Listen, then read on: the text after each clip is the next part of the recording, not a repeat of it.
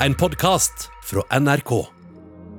12. mars iverksatte regjeringen de mest inngripende tiltakene vi har hatt i Norge i fredstid. Det gjorde vi i håp om å stanse viruset. Og fremover må vi gjøre enda mer. I går fikk vi bekrefta det vi frykta. Glem skolen. Du skal ikke møte folk. Bursdager skal feires på nett. Bryllup med gjester, det kan du glemme. Og det er liten grunn til å planlegge påskeferie noe annet sted enn i hjemkommunen din. Tiltakene må videreføres til over påske, til og med 13. april. For mye tyder på at dette kommer til å ta tid. Og det kommer dessverre til å være katastrofalt for mange av oss. Finnes det virkelig ikke noe bedre alternativ?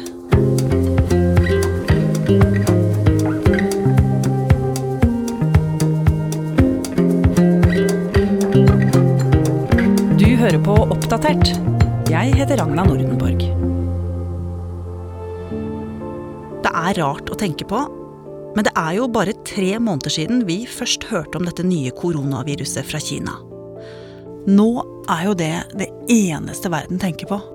Alle forsøker å finne ut hvordan vi skal komme oss gjennom krisen med færrest mulig døde og til lavest mulig pris.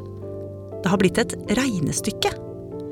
Regjeringens mål er fortsatt at viruset skal slås ned over tid. Altså at hver person ikke skal smitte mer enn én person i gjennomsnitt.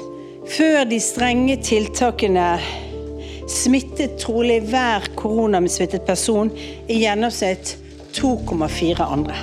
Til og med statsministeren vår har begynt å snakke i tall. Men hvorfor er disse tallene så viktige? Ja, Det å regne på smittsomme sykdommer, det er jo en vitenskap i seg selv. Det er det matematikere holder på med. Jo Røiselien er han lange matematikeren med stort, mørkt, krusete hår som mange kjenner fra TV-programmet Siffer. Han er professor i medisinsk statistikk ved Universitetet i Stavanger. Og Folkehelseinstituttet de har sjukt gode matematikere og statistikere som sitter og regner på disse tingene hele tiden. De er liksom blant de råeste vi har i landet. Og Når jeg snakker med dem, så ender vi veldig ofte opp med å snakke om eh, all den usikkerheten alle disse smittsomme sykdommene bærer med seg. Fordi smittsomme sykdommer er en utrolig spesiell type sykdom. Vanligvis når vi snakker om sykdommer, så er det ganske lett å forutsi hvor mange som vil dø av dem. Ta f.eks. kreft. Det er rundt 10 000 nordmenn som dør av kreft hvert eneste år. Og da er det ganske lett å beregne hvor mange leger og sykepleiere som trengs for å behandle dem. Men med smittsomme sykdommer er det noe helt annet. For de sprer seg i en voldsom fart, og da må man bruke matematiske formler for å forsøke å beregne hva som vil skje, sånn at man kan få kontroll på dem. Og det kan være bitte små forskjeller som avgjør hvor raskt sykdommen sprer seg. Jeg kan gi et eksempel. Tenk deg at hvis noen har koronaviruset, så smitter de to nye personer hver uke. Eller kanskje er det litt høyere. Kanskje er det tre på fem dager. For, har det noe særlig å si? Jo, altså hvis det er en smittsomhet som sier at det blir to nye tilfeller per uke, så vil man i løpet av ti uker ha fått omtrent 1000 nye tilfeller. 1000 nye smittede. Men hvis det er tre nye på fem dager, så vil det i løpet av ti uker ha fått fem millioner nye smittede. Og hvordan er det mulig at den forskjellen blir så enorm? Dette her er jo det som er kraften i renters rente. Altså Einstein har jo sagt at renters rente det er den sterkeste kraften i hele universet. Når det først tar av, så blir det helt enormt. Så dette tallet på hvor mange en syk person klarer å smitte, er veldig viktig å regne seg fram til. Og det kalles smittetallet. Og helt siden koronaviruset kom til Norge, har matematikere på Folkehelseinstituttet forsøkt å finne ut hva dette smittetallet er for Norge. For det varierer fra land til land. Og i går kom de første beregningene. Før karantenetiltakene ble innført, smittet trolig hver koronasyke nordmann 2,4 andre. Og det er et så høyt tall at 145 950 nordmenn ville være smittet innen 13. april, altså andre påskedag, om vi ikke hadde gjort noe. Og det er altfor mange for det norske helsevesenet. For mange av de smittede blir så syke at de må på sykehus mange tusen. Og det finnes bare rundt 1000 intensivsengeplasser i hele Helse-Norge. Det vil si at mange som kunne blitt reddet, muligens ville ha dødd i helsekø. Derfor må vi flate ut kurven, altså holde oss hjemme. Og det er katastrofe for hele samfunnet. En så stor katastrofe at enkelte eldre ikke syns det er verdt prisen. Det gjør inntrykk å lese om eldre som skriver at konsekvensene av tiltakene er for store. At de har levd et langt liv, at det nå er yngre generasjoners tur. At de økonomiske konsekvensene av tiltakene er blitt for store. Men hvis viruset sprer seg så raskt at kapasiteten i helsetjenesten blir sprengt, får det mange og alvorlige konsekvenser. Da klarer vi ikke å redde selv mange unge som er smittet, og som vi kan redde i dag. Og mange som rammes av helt andre sykdommer eller av ulykker, vil vi heller ikke klare å hjelpe. For meg er det en situasjon vi ikke skal komme i. Derfor kan vi ikke gi opp. Kampen mot viruset må fortsette. Problemet er hvor flatere kurven er, hvor lengre tid tar det å gå gjennom hele befolkningen med smitten. Halvard Sandberg er journalist her i NRK Nyheter og følger koronakrisen tett. Hvis du skal ha 66% av befolkningen gjennom smitten, så tar det da kanskje et år å få til det, hvis du har en optimal, flat kurve. Så hva er alternativene? Den ene er The Hammer and the Dance, hammeren og dansen. Ja. Og så er det flokkimmunitet. Hammeren og dansen. Altså, det høres jo veldig besnærende ut, men la oss spare den litt, og så tar vi flokkimmunitet først. Halvard, det er jo egentlig bare å la smitten spre seg. Ja, da lar vi omtrent 66% av befolkningen bli smittet. Og så vil de 66% av befolkningen beskytte de sårbare som vi i mellomtiden har gjemt bort et eller annet sted, så de ikke skal bli smittet. For da når ikke smitten fram til dem. Hvis det er så mange som da er immune etter sykdommen, så vil ikke da smitten kunne nå fram til de eh, sårbare. Men 66% av befolkningen må likevel gå gjennom sykdommen. Og sånn som vi vet om denne sykdommen nå, så vil mange av de da dø.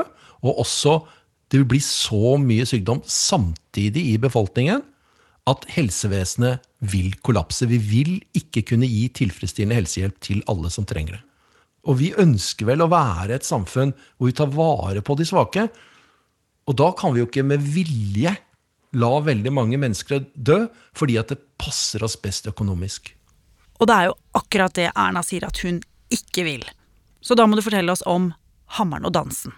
Strategien Hammer and the Dance den eksisterte ikke før Kina viste at det gikk an å gjøre det. Nemlig at du tar en kjempesvær hammer, og så slår du ned sykdommen med alle mulige tiltak du kan finne. Og så etterpå så slåss du mot viruset. Slåss slik at det ikke skal komme seg opp igjen. I lang tid, i lang tid, inntil du får en vaksine som kan gjøre jobben for deg. Men vil ikke smitten bare komme tilbake om og om igjen, og så kan du risikere at det samme skjer? At du får en, et nytt utbrudd?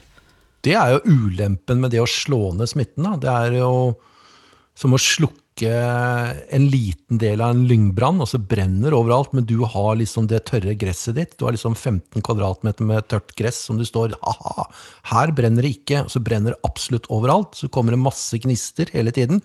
Ja, da må du løpe og slå ned de gnistene. Du kan jo sikkert greie det, du. Du står der på 15 kvadratmeter med tørt gress, så kommer en gnist. Den tok jeg. Den tok jeg. Den tok jeg. Og når alt er over, alt er brent ut, så står du da med 15 kvadratmeter tørt gress. Fordi du har stått der og slått ned gnister hele tiden. Og det er det som er dansen? Det er dansen, ja. Så i praksis betyr hammeren og dansen at du først må få redusert antall smittede så mye at du får kontroll. Og så må du passe på at alle nye smittede blir fanget opp og satt i isolasjon. Og da kan resten av samfunnet i teorien leve omtrent som normalt. Det høres jo veldig bra ut. Men det er veldig vanskelig i praksis, for det krever bl.a. at du klarer å teste alle med symptomer på sykdom veldig raskt. Og at du må vite hvor folk har vært til enhver tid. Og det er dette Kina driver med. Men Halvard, helt til slutt. Ja. På pressekonferansen i går så sa jo både Erna og Bent Høie at de ønska seg veldig, veldig lave smittetall. Altså smittetall under én. Og da er det jo egentlig ikke snakk om å flate ut kurven. Da er det jo snakk om å knuse viruset og slå det ned. Hammer og dans. Ja. Men hvordan vil en sånn strategi fungere på det norske samfunnet? Altså, greia er det at eh, vi kan vel ikke gjøre det samme som Kina. Vi kan gjøre hvis alle er enige at dette skal vi gjøre, så kan, kan vi gjøre det. Altså isolere folk og gjennomføre overvåkningen og alt det der kan vi gjøre. Og da vil vi slå ned smitten raskt. Men hvis vi velger å la smitten gå en stund, at vi ikke slår den ned så raskt, at vi f.eks. bruker tre ganger så lang tid som Kina, så kan vi bruke mye mildere metoder. Vi kan bruke mye større grad av frivillighet. Ja, det er en god del idioter som får beskjed om at du skal ikke gjøre det, så gjør de det likevel, og så fører de smitten videre. Men det vil ikke være alle. Det vil være så få at smitten over tid dør ut. Men da må vi leve med disse tiltakene på grunn av det lengre. Mm. Istedenfor fire uker, kanskje, som kineserne drev på med dette maks. Så må vi kanskje drive på i tre måneder. Eller fire måneder. For å få den helt vekk. Ja, nettopp. Det er valgene vi gjør, og hvilke verktøy som er mulig å gjennomføre. Og hvilken grad befolkningen er med på det som skal skje. Og da passer det godt å høre på hva helseminister Bent Høie sa på pressekonferansen i går. Før vi innførte disse strenge tiltakene, så smitta hver koronasmitta trolig 2,4 andre. Vårt mål er at hver koronasmitta smitter maksimalt én annen person. Lykkes vi med dette, da vil vi vinne tid. Da vil vi vinne tid til å forbedre behandlingen og sørge for flere plasser. Vi vil vinne tid til å utvikle enklere tester til så mange som mulig. Vi vil vinne tid til å innhente mer kunnskap og høste erfaringer fra andre land. Økningen i antall nysmitta i Norge ser nå ut til å være stabil. Dette kan være et tegn på at det virker, men det er for tidlig å være sikker. Vi kan ta det som en oppmuntring på veien, men vi kan ikke slippe opp. Vi må holde fast, og vi må holde ut. Det er altså for tidlig å si noe om hvor lang tid dette skal ta, og hva Norges strategi skal bli når vi vet mer om hvordan dagens tiltak fungerer. Og det får vi trolig først beskjed om når påsken nærmer seg slutten. I mellomtiden arbeider forskere mange ulike steder i verden på spreng for å utvikle en vaksine som fungerer. Og mens vi venter på det, tester vi andre medisiner. Vi får opp produksjon av smittevernutstyr, så helsearbeidere kan gjøre jobben sin uten selv å bli smittet. Og så utvikler vi bedre sporings- og testmetoder. Men før vi får noen helt sikre svar, er det ingen som vet hvor lenge dette vi nå lever i, vil vare.